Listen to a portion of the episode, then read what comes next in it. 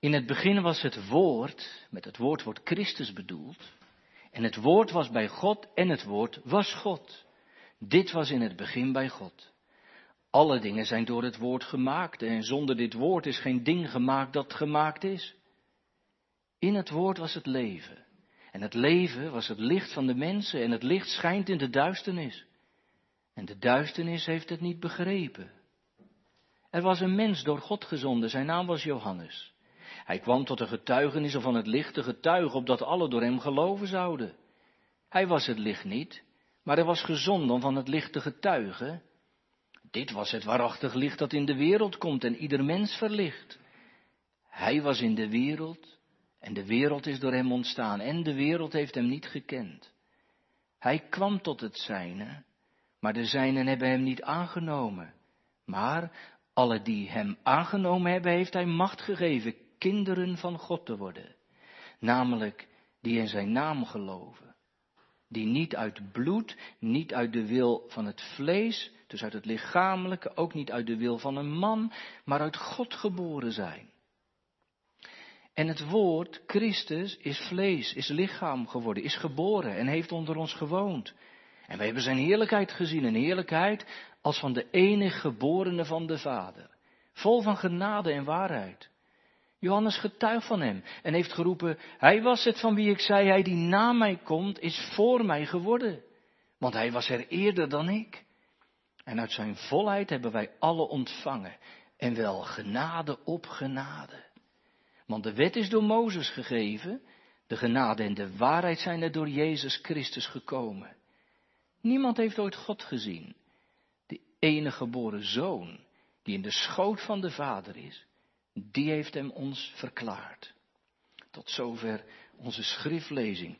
In dit gedeelte staan heel veel gedeelten die zo rechtstreeks, nou ja, verwijzen naar de catechismus, of beter gezegd andersom, waar de catechismus verwijst naar dit gedeelte. Dat Jezus de Zoon van God is, de enige geborene. Maar er staat ook dat wij kinderen van God genaamd worden. Nou, dat is nou precies waar de catechismus vanavond over gaat. En dat is zondag 13, als u dat op wil zoeken. Zondag 13, vraag en antwoord 33. Eh, en lezen wij met elkaar. Vraag en antwoord 33 van zondag 13. Waarom is Hij, Christus, Gods enige geboren zoon genoemd, zo wij toch ook Gods kinderen zijn?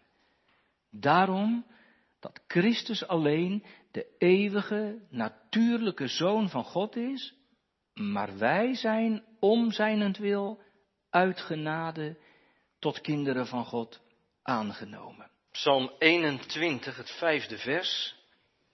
Dat uh, zingen wij uh, na de preek. Hoe groot en schitterend is zijn eer.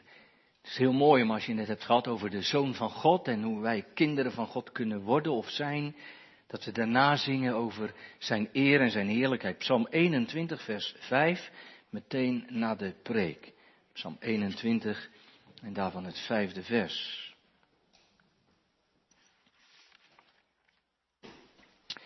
Gemeente zondag 13 van de Heidelberger, die gaat net als de vorige zondagen die in de Heidelberger behandeld werden over de namen van de Heer Jezus. Prachtig, hè? Eerst, eerst sprak de Heidelberger over de naam Jezus, zaligmaker. En, en daarna ging het over de naam Christus, gezalfde. Weet u nog dat hij de koning is, de priester, de profeet en wat dat allemaal betekent? En, en, nu gaat het in zondag 13 over een andere naam. Gods enige geboren zoon. En onze Here. En wist u, wist u dat er dan gelijk eigenlijk wat opvalt in de vraagstelling van zondag 13? Kijkt u anders maar even mee. Kijk in zondag 11 wordt rechtstreeks de vraag gesteld, waarom wordt de Zoon van God Jezus genaamd?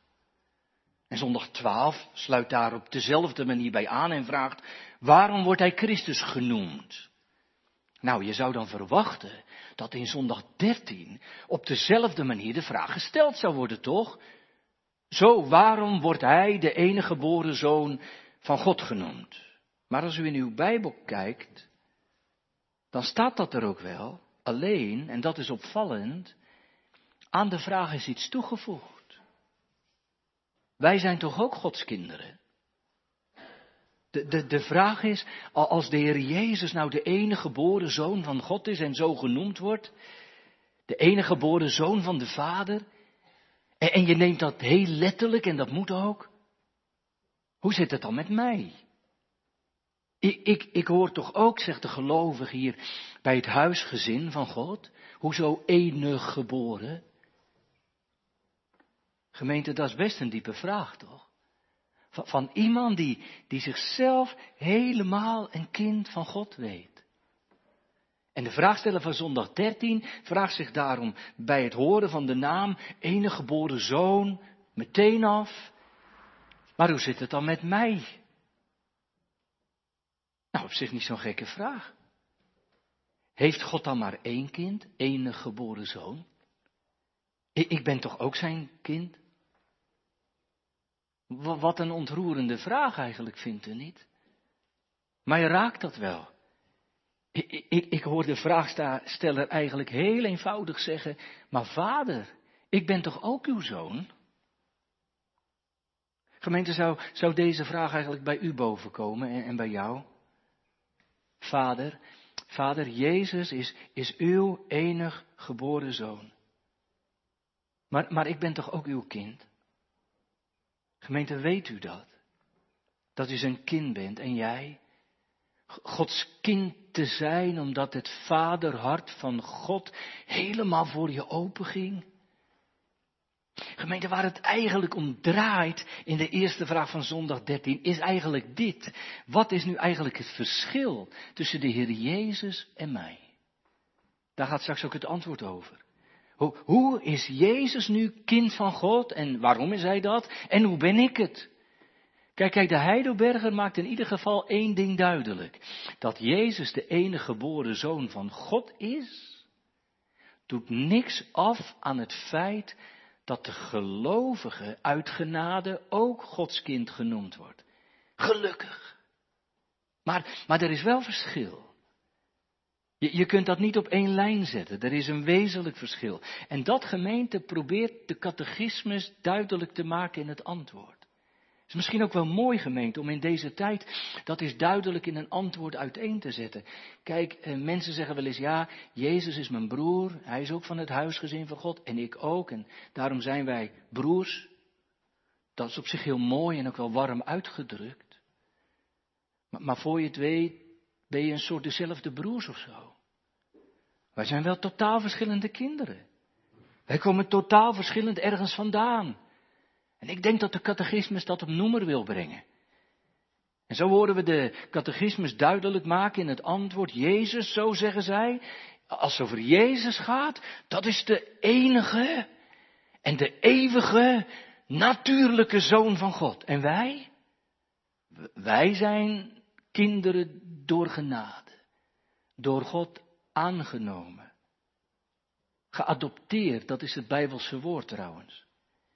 Dus, dus, dus in het antwoord houdt de Heidelberger die twee dingen heel dicht bij elkaar en legt ze toch weer uit als twee verschillende dingen. En gemeente, dat is bewust. Kijk, laten we eerst dit zeggen. Het is, het de Heidelberger er vanavond niet om te doen, om, om allerlei ingewikkelde theologische beschouwingen te gaan houden, maar waardoor je vastloopt in allerlei dingen die, die niet te begrijpen zijn. En dat wil de Heidelberger ook helemaal niet. Hier gaat het in zondag 13 erom dat, dat onze geloofskennis verdiept wordt. Goed luisteren, je geloofskennis. Dat je niet zozeer gaat begrijpen hoe het precies zit, maar dat je gaat begrijpen wat het betekent. Dat is net iets anders. Wat het betekent dat Jezus de Zoon van God is. En wat dat dan voor de gelovigen betekent die ook Zoon van God mag zijn. Nou, laten we het eens proberen. Kijk, nu wordt er eerst over de Heer Jezus gezegd dat Hij de eeuwige en de natuurlijke Zoon van God is. Gemeente op het eerste gehoor, ik kan me voorstellen als je dat zo beluistert, eh, klinkt dat heel moeilijk. Maar ik denk dat het moeilijker klinkt dan het in werkelijkheid is. Heel eenvoudig gezegd staat hier gewoon dat alleen van de Heer Jezus kan en mag gezegd worden dat Hij het enige echte kind van God is en dat Hij dat altijd al is geweest. Nou, dat is het. De, Heer Jezus gemeente is dus niet zomaar een schepsel zoals u en ik. Dus wij zijn misschien wel broers in datzelfde huisgezin van God, maar Hij is niet geschapen. Hij is niet gemaakt, geschapen zoals een mens, maar zo lezen we, geboren. Geboren uit de Vader. Gemeente, de Bijbel zegt dat klip en klaar.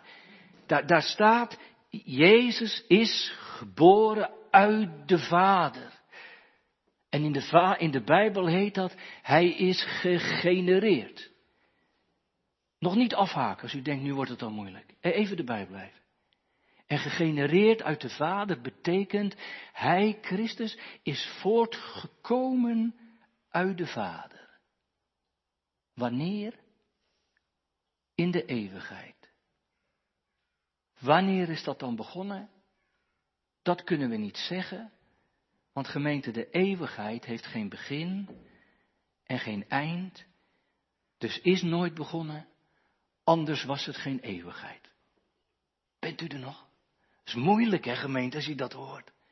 Daar, daar, daar kun je toch, zeg je vanavond met je verstand niet bij, maar dat hoeft ook niet. Je hoeft er niet met je verstand bij. Als de Bijbel zegt dat Jezus de enige geboren zoon van de Vader is, dan wordt dat niet gezegd om het ons te laten snappen, maar het ons te laten geloven dat God een zoon heeft die geboren is uit de Vader, voor alle eeuwen. Om ons te laten geloven dat God de Vader een zoon heeft, die daarom de wereld verlossen kan. Waardoor Hij mij verlost heeft. En stilletjes luister ik in geloof en verwondering en misschien ook soms in verwarring naar wat God over zijn zoon zegt. En stilletjes luister ik in verwondering wat die zoon mij over zijn vader zegt. En dat geloof ik. Zonder meer. Want de Bijbel zegt het. En gemeente Gods woord is helder hoor, als het het ons zo vertelt wie Jezus is. Hij is de Zoon van God en hij is eeuwig en gegenereerd uit de Vader.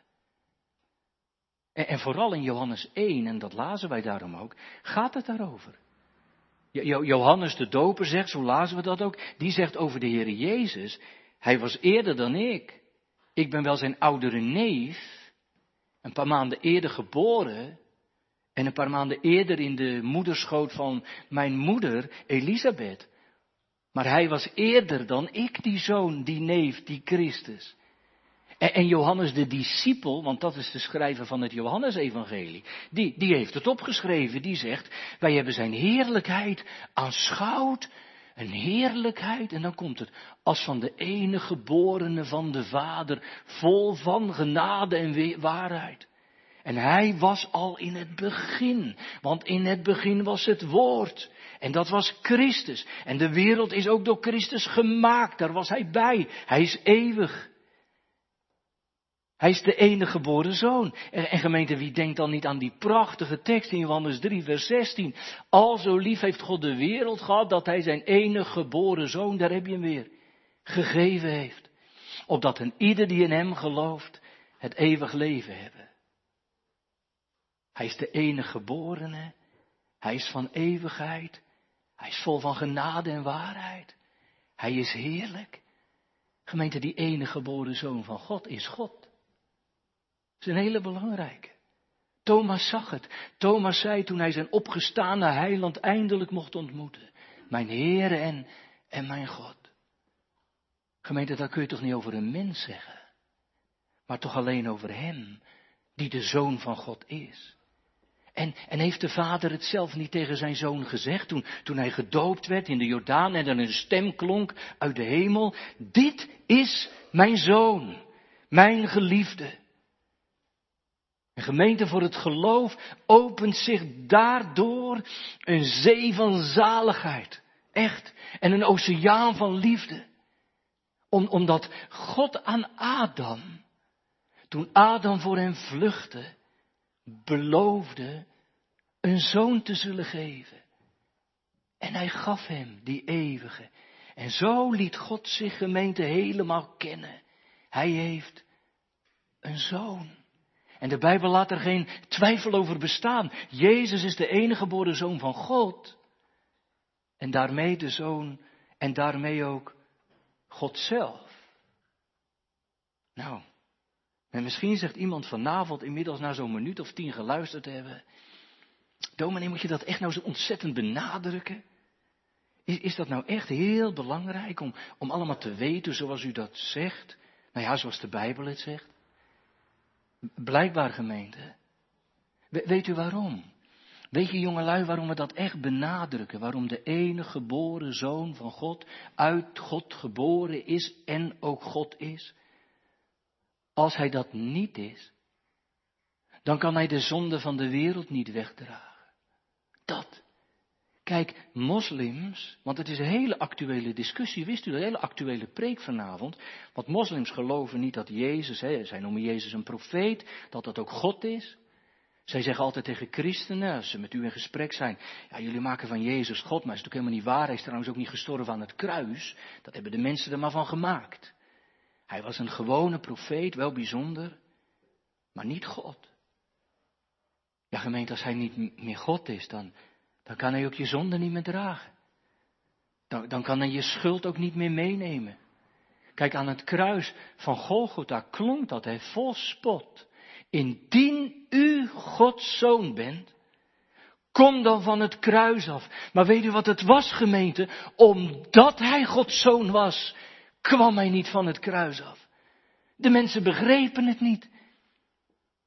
Als hij Gods zoon niet was, dat, dan had hij inderdaad niet aan dat kruis kunnen blijven. Dan, dan had hij de zonde niet kunnen dragen. Dan was hem dat te zwaar. Dan was hij dan onder bezweken als een mens. Gemeente, niemand anders dan de Zoon van God. Die was in staat dat lijden te dragen. U begrijpt toch wel, dan, dan staat of valt je zaligheid met het geloof in Jezus of hij waarlijk de, de Zoon van God is. Daar staat of valt je geloof mee. En als ik dat geloof, en gemeente, de, de Heere nodig je steeds weer tot dat geloof uit. Als je dat gelooft, dan, dan kun je zalig worden. Er is iemand geweest, de enige geborene van de Vader. Er is iemand geweest die van eeuwigheid was en is. Jezus, de Zoon van God. Die in staat was mijn zonde, mijn schuld, mijn verdoemelijkheid te dragen. Omdat hij Gods zoon was. Nou, daarom benadrukt de catechismusgemeente dat zoonschap, dat eeuwige zoonschap van God en die godheid van Christus. Maar, maar, zoals we hoorden, heeft de Heidelberger het ook over de gelovigen. Over Gods kinderen. Je zou kunnen zeggen Gods aardse kinderen. God heeft één hemelskind, Christus en heeft aardse kinderen.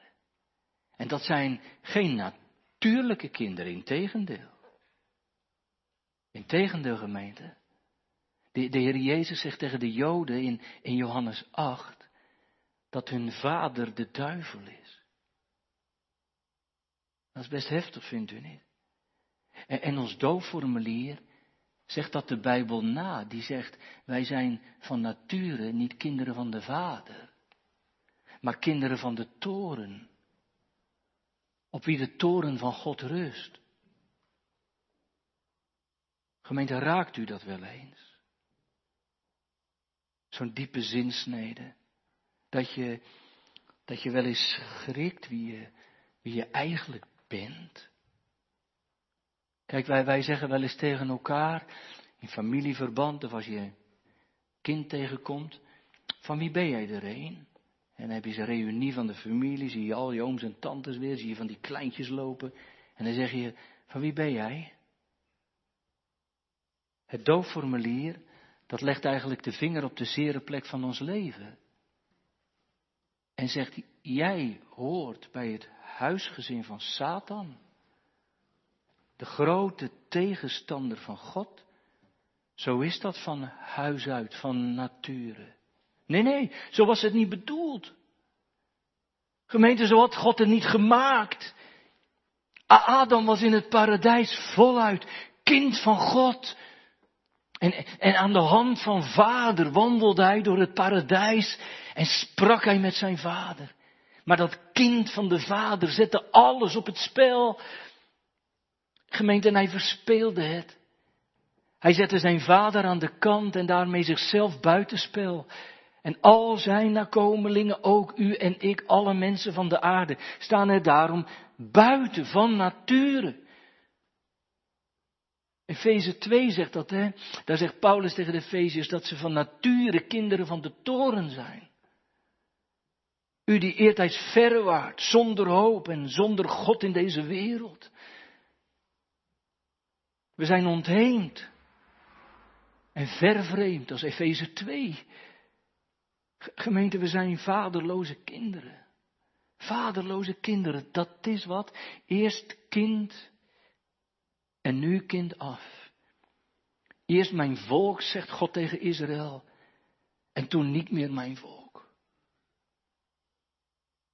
Ja, zegt u maar, als God ons dan toch kinderen noemt. Hoe, hoe, hoe, hoe kan dat dan? Waar komt dat dan vandaan? Gemeente, dan, dan moeten we steeds omhoog leren kijken. Omhoog leren kijken naar die enige, echte, natuurlijke Zoon van God. Jezus Christus. En het staat er vandaag zo mooi. Kinderen van God kunnen we alleen zijn, omdat wij om Christus wil uit genade tot kinderen zijn aangenomen. Erbij geteld. Opgenomen in Gods huisgezin. Hoort u dat? Gemeente, hoort u dat God wil blijkbaar door en door zondige mensen, weglopers, verloren zonen, verloren dochters opnieuw kinderen noemen? Opnieuw. En hoe dan? Omdat Hij ze aanneemt. Omdat Hij adopteert. En niet anders dan zo. Gemeente, je, je kunt dus weer kind van God worden. Kind van de Vader. God heeft zich tot mensen gekeerd die zich van Hem hadden afgekeerd. En Hij roept in zijn liefde en genade, en het zijn gewoon de Bijbelwoorden. Mijn zoon, mijn dochter, geef mij uw hart. Met betraande ogen zag hij namelijk zijn schepsel wegglijden in eeuwige verlorenheid. Gemeente, hij zag ons vaderloos omkomen en toevallen aan de vader de duivel. En hij zag dat ook van u en van jou en van mij. En gelooft u me, dat kon hij niet aanzien. Komt, verwondert u hier mensen, zegt een prachtig kerstliedje. Komt, verwondert u hier mensen, ziet hoe dat u God bemint. Gemeente, dat is toch niet een logica? Daar zijn we in de kerk toch niet zo aan gewend geraakt dat God ons lief had, dat we denken dat dat maar een beetje goedkope liefde is, zo'n liefde waarmee je een beetje rommelen kunt. Jonge lui, je denkt toch niet dat God jou lief heeft en denkt, nou ja, maar hij houdt ook nog een beetje van de wereld en van de zonde en van, de, nou ja, vooruit, maar ik hou toch van hem. Zo niet. Als God je vader is en jij zijn kind bent, dan, dan ben je daar zo ongelooflijk verwonderd over. Dan zie ik dat God mij bemint, van mij houdt. Gemeente kind van God zijn. Dat, dat is dus geen onmogelijkheid. Toen ik jong was, dacht ik dat altijd dacht ik altijd, ik, ik, ik houd wel van God en ik geloofde ook in hem. En ik wilde hem ook dienen en ik wilde dominee worden ook nog. Maar ik dacht, ja, maar zijn kind worden vond ik wel een brug te ver of zo. Dat, dat leek me zo'n onmogelijkheid, zoiets groots. En dat is het ook. En van onze kant is het ook een onmogelijkheid. Maar van Gods kant niet. En weet je gemeente, daarom mag je het daarin alles van hem verwachten. Als je, er, als je naar verlangt Gods, Gods kind genoemd te worden. Heren, heren, ik ben niet meer waard uw kind genaamd te worden.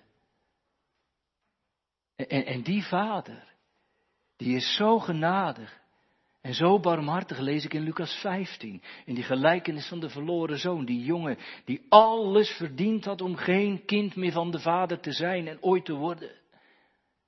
En dan staat er in Lucas 15, maar toen hij nog in de verte was, zag hem zijn vader. En hij, die vader, die werd met innerlijke ontferming over hem bewogen. En hij liep op hem toe, hij rende naar hem toe. En hij, hij, hij vloog om zijn hals en hij kuste hem. Gemeente, dat is zo'n onvoorstelbaar groot wonder. God neemt door Christus de zondaars aan. Roep dit troostwoord toe aan allen, zegt een prachtige zang. Kijk, kijk, Ezekiel, Ezekiel de profeet heeft het in hoofdstuk 16, heeft hij het over dit, dit aannemen van God, de, de adoptie van God, als je het zo noemen mag. Hij, hij beschrijft daar namelijk het volk van Israël als een vondeling. Het is, is best een eenvoudig te begrijpen verhaal. Ezekiel 16 zegt er ligt een kind in de woestijn en dat is door de moeder en de vader weggegooid. De navelstreng zit er nog aan. En het bloed zit er nog op. Weggegooid omdat het waardeloos was voor degene die het kreeg. En, dan zegt Ezekiel, dat kind ligt daar dan, trappelend in het bloed van zijn geboorte. Het wordt heel plastisch beschreven, niet, niet om aan te zien. Het is of Ezekiel er alles aan doet om de ellende van het kind te beschrijven. In je bloed, je bent onrein, je bent niet levensvatbaar. Alle romantiek is weg, toch? Alle romantiek die bij een pas geboren wordt. En, en het drama is, zegt Ezekiel 16, en niemand heeft medelijden. Niemand. Israël als vondeling, eh, verschoppeling, een weggeworpene. Met geen ander uitzicht dan de dood. Maar dan, zegt Ezekiel, gebeurt er iets zo moois. God komt voorbij. Nee, niet omdat dat kind naar hem roept, want dat kan dat kind helemaal niet. Of omdat ze die vader kent, dat kan een baby al helemaal niet. God komt voorbij, zegt Ezekiel, en hij ziet dat kind. Gemeente, hij ziet u. En hij ziet jou en hij ziet mij. Moet je luisteren. Toen ik voorbij u kwam, zag ik u. En zie, het was de tijd van de liefde. Zo spreidde ik mijn vleugel over u uit en ik bedekte uw naaktheid. En daarop zwoer ik een eed en ik ging een verbond met u aan Spreek de Heere, Heere. En zo werd jij van mij. Jij die er nog geen fluit van snapte en het niet verdiend had. God adopteert dat kind. Zo beschrijft Ezekiel 16 dat. Hij maakte het tot de zijne. En zo maakte God gemeente Israël, ja ook het Israël van vandaag en nu, het Joodse volk, tot zijn zoon. Daarom noemen wij Israël vaak onze oudste broer. Dat is de eerste aangenomen zoon. Israël. Maar gemeente, zo neemt de Heer ook ons zondaren uit de heidenen aan, tot zijn kinderen en erfgenamen, door Jezus Christus. Is het verbond verbreed? Raapt hij je op in je verlorenheid? En ziet hij je liggen in je, in je ellende? Ook gemeente, als je dat niet eens zelf ziet. En hij raapt je op. Dat is nou Gods verbond. Dat is nu zijn onvoorwaardelijke liefde. Dat is zijn vaderschap. En niet gemeente, niet, dat is niet iets wat, wat ik maken kan. Ik kan het ook niet kiezen. Geadopteerd worden, dat is aangenomen worden. Tot kind en erfgenaam. En dat is alleen Gods werk. Als je Gods kind wordt, word je dat niet omdat je bekeerd bent, maar word je dat omdat God dat doet. Ja, daar hoort wel geloof en bekering bij, zeker. Want, want hoe ga je hem anders ooit vader noemen en hoe kun je dan anders ooit zijn kind zijn in het dagelijkse leven? Maar gemeente, het begint bij God. Hij adopteert, hij neemt aan tot kind en erfgenaam. En dat kind heeft daar nooit om gevraagd.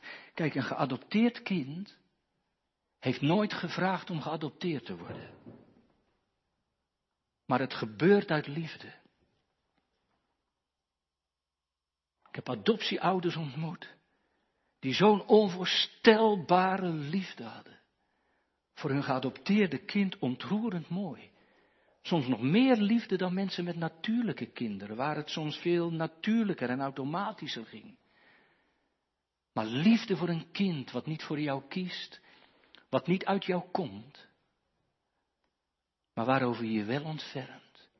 Jij bent mijn kind. En zo doet God dat. Zo doet God dat. Nee, nee, niet zomaar. Het gaat zomaar niet. Maar, zegt de Heidelberger, hij adopteert uit liefde, uit genade. Het heeft een prijs. De Heidelberger zegt het er zo mooi bij. Hè? Hij, heeft aangenomen om Christus wil en uit genade. Om Christus wil, van, vanwege die enige natuurlijke zoon van God, weet u nog, die in de schoot van de Vader was, die van eeuwigheid is, die ervoor zorgen kan dat u en ik Gods kinderen kunnen worden. Om Christus wil en uit genade, gelukkig. Gelukkig niet, niet om mijn geloof wil en omdat ik hem aanneem, maar om Christus wil en uit genade. En het is die geest van Christus, zegt Paulus in Romeinen 8. Die geest van Christus, als die je raakt, als je door die enige natuurlijke zoon van God bent geraakt. En je hebt hem lief gekregen. En deze Jezus is je alles geworden. Dan zegt Paulus in Romeinen 8, dan ga je door de geest van Christus zeggen, want gaat altijd omwille van hem, Abba Vader. Dan zeg je papa tegen God. Vader, ik ben uw kind. En u bent mijn vader. En zo noem ik u om Christus wil. Nee, nee, nee, niet omdat ik zo'n supergelovige ben. Dat valt zo vies tegen, maar om Christus wil. Zijn geest, de geest van Christus maakt dat ik papa zeg. Mijn vader en mijn God. Nee, de kritiek van mensen die dan zeggen, zo makkelijk gaat het niet. Daar kan ik nooit zoveel mee. U wel? Ik vraag vaak, wat bedoelt u dan? Ja, je moet van alles doen als mens, dat zal waar zijn. Maar Christus heeft alles volbracht. God is mijn vader, om Christus wil. En dat geloof ik. En daar krijgt niemand meer een vinger tussen. Gods geest, zegt Paulus ergens anders, getuigt met onze geest. Dat we kinderen van God zijn. Dat is toch heerlijk? God neemt wild vreemde kinderen, vondelingen en verschoppelingen aan door zijn zoon Jezus Christus uit genade. En onvoorwaardelijk. Niemand die hier zit vanavond, niemand hoeft buiten dat kindschap van God te zijn en te blijven. God wil u tot kind en erfgenaam aannemen, om Christus wil en uit genade. Ja, zegt iemand, ik geloof niet genoeg. Om Christus wil en uit genade. Ja, zegt iemand, maar dominee, ik, ik heb zoveel gezondigd, die verloren zoon. Ik ben daar, man, dat is nog niks bij mij vergeleken. Om Christus wil en uit genade. En maak Christus niet te klein, gemeente. Wat hij doet aan het kruis, die enige eeuwige zoon van God, wat hij doet aan het kruis, is zo allemachtig genoeg. Zo allemachtig genoeg voor de grootste der zondaren. En als je dat niet geloven kunt, dan denk je wel heel klein van Christus. Gemeente, denk maar klein van jezelf en groot van Hem. Hij neemt zondaren aan om Christus wil en uit genade tot zijn kinderen. En als hij dat doet, hè, dan ben je een volwaardig kind. Toch? Kijk, kijk, een geadopteerd kind is toch ook een volwaardig kind? Dat is echt kind. En de mensen die er verstand van hebben, die zouden het eigenlijk alleen mogen en kunnen zeggen. Die zeggen een aangenomen kind, dat is een volledig kind. Daar hou je volledig van. Dat draagt mijn naam, mijn achternaam. Dat is ook een erfgenaam. Dat is toch zo? Met geadopteerde kinderen. Niemand zegt toch ooit als dan ouders sterven, ja, je hebt geadopteerd. Dat, uh... dat zegt niemand. Dat is ook terecht. Volwaardige kinderen. Gemeente, zo neemt God zondaren aan tot zijn eigen volwaardige kinderen. Tot echte kinderen, die voluit mogen zeggen, Abba Vader om Christus wil. Dus de natuurlijke zoon, dat is mooi dan hè, nu komt het een beetje bij elkaar. De natuurlijke zoon zorgt voor aanneming tot kinderen van onnatuurlijke zonen. Waardoor zij echte zonen mogen worden. Gemeente en de Heer Jezus moest daar diep voor gaan, eindeloos diep. En de prijs was groot. Hij, die enige echte natuurlijke zoon van God, legde, legde heel zijn kindschap af, moet u nagaan. Hij werd kind af om de prijs te betalen van mijn kindschap. En aan het kruis, hè, toen hij daar drie uur lang hing, in die ondoordringbare duisternis, toen werd het voor hem werkelijkheid, weet u toch? Dan is God ook zijn vader niet meer. Dan zegt hij, mijn God, mijn God, waarom hebt u mij verlaten? Toen was hij de vader kwijt, toen riep hij al lang niet meer tot de vader. Dat kon ook niet meer gemeente. God had hem kind afgemaakt. God had hem uit het gezin gezet. God had hem uit de hemel gezet. God had hem uit de deur gezet. God had gezegd, jij komt er niet meer in. Waarom? Opdat die onnatuurlijke verloren zonen en dochteren tot kinderen gemaakt zouden kunnen worden. En bij dat huisgezin van God zouden kunnen komen. En daarom en daarom, gemeente, kunnen wij Gods kinderen genoemd worden. En daarom leerde de Heer Jezus tijdens zijn rondwandeling op aarde de discipelen om, om God aan te spreken als vader. Is heel bijbels. Zelfs in het gebed dat hij ons leert, legt hij het ons op de lippen. Als u bidt, bid al dus onze vader, die in de hemelen zijt. Hoe is het mogelijk, hè? Hoe is het mogelijk? Dat wij van nature verloren zonen en dochteren dat mogen zeggen. En, en dat kind van de Vader het mij op de lippen legt. Onze Vader. Mijn Vader. Ja, zegt iemand, maar knast het nog wat. Mag, mag dan iedereen dat zeggen? Wanneer is God dan je Vader? Wanneer ben ik dan zijn kind? Gemeente, is dat echt voor u een vraag? Want het is een hele diepe vraag. Wanneer ben ik nou echt kind van God? Soms denk ik wel eens, waren er maar meer mensen die die vraag stelden. Ben ik een kind van God? Maar wat is dan het antwoord? Gemeente, dan, dan moet je terug naar dat verbond opnieuw. Ter, terug naar je doop. Dat dat teken en zegel van de doop dat aan je voorhoofd kwam, toen beloofde God om Christus wil jouw God en Vader te willen zijn. Net als in Ezekiel 16. Wat hij aan zijn volk deed, dat doet hij om Christus wil ook aan de heidenen.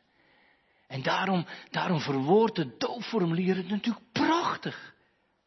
Als u gedoopt wordt in de naam van de Vader, zo verzegelt ons God de Vader dat Hij met ons, met mij, een eeuwig verbond van genade opricht en mij tot zijn kind en erfgenaam aanneemt. En gemeente, wat God belooft, dat maakt Hij waar toch? Ja, zegt iemand, maar, maar dan moet het toch nog wel een soort persoonlijk worden en, en werkelijkheid worden. Zeker. Maar het is werkelijkheid in Hem en het wordt werkelijkheid voor u als je door gehoorzaamheid aan God de Vader. Hem ook als Vader erkent. En je bekeert en leeft. Als je, als je Hem door zijn eigen woord leert kennen, dan wordt het steeds meer waarheid. Want, want gemeente, hoe, hoe kun je God je Vader noemen als je Hem niet leert kennen? Jongelui, dat kan toch niet? Hoe, hoe kun je nou gelovig zijn buiten de kerk zonder je Bijbel te lezen? Dat is gewoon onmogelijk. Dan leer je de Vader niet kennen. Kun je wel zeggen, ik ben kind van de Vader. Wie is hij dan? Je moet hem leren kennen en erkennen. Kijk, eigenlijk is het net als bij een geadopteerd kind. Als een, als een kind geadopteerd wordt en mee wordt genomen en, en dan in dat huisgezin mag gaan wonen, dan, dan heeft die vader dat kind erkend. Dat mag duidelijk zijn en die moeder ook. Maar andersom moet het ook. Toch? Zo'n kind moet, moet zijn vader ook erkennen en leren dat dat zijn vader is. En waar dat gebeurt, zegt zo'n kind toch gewoon tegen zijn vader, papa. Gemeente, dat is in het geloof ook nodig. De Heere neemt je aan tot zijn kind en erfgenaam. En ik moet leren erkennen door geloof en, bekering dat hij mijn vader is. En dat hij mijn vader moet zijn. Maar het blijft staan, gemeente, dat het van Gods kant ontwijfelbaar is. Hij wil vader zijn. En het verbond is het bewijs. En je kunt niet zo ver verdwaald zijn en al je rechten verspeeld hebben. Dan nog blijft het van Gods kant staan, vast als een huis. En je mag je terugkeren, berooid, belast, beladen, terugkeren tot de Vader, omdat Hij Vader is. En dan nog zal Hij zeggen, om Christus zijn Zoon wil, mijn Zoon, mijn dochter, welkom thuis, mijn kind. Amen.